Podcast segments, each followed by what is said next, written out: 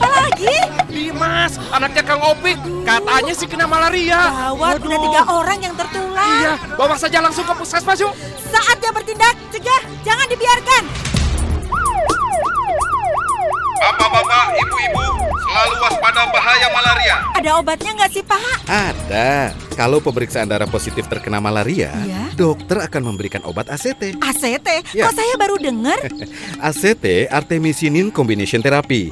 Obat paling tepat untuk pengobatan malaria saat ini. Oh. Iya, iya, iya. Mm-hmm. Minum obat yang diberikan dokter sampai habis, walaupun sudah sembuh, agar penyakitnya tidak kambuh. Dan biar nggak kena malaria, pakai kelambu berinsektisida. Kelambu pelindung dari gigitan nyamuk malaria.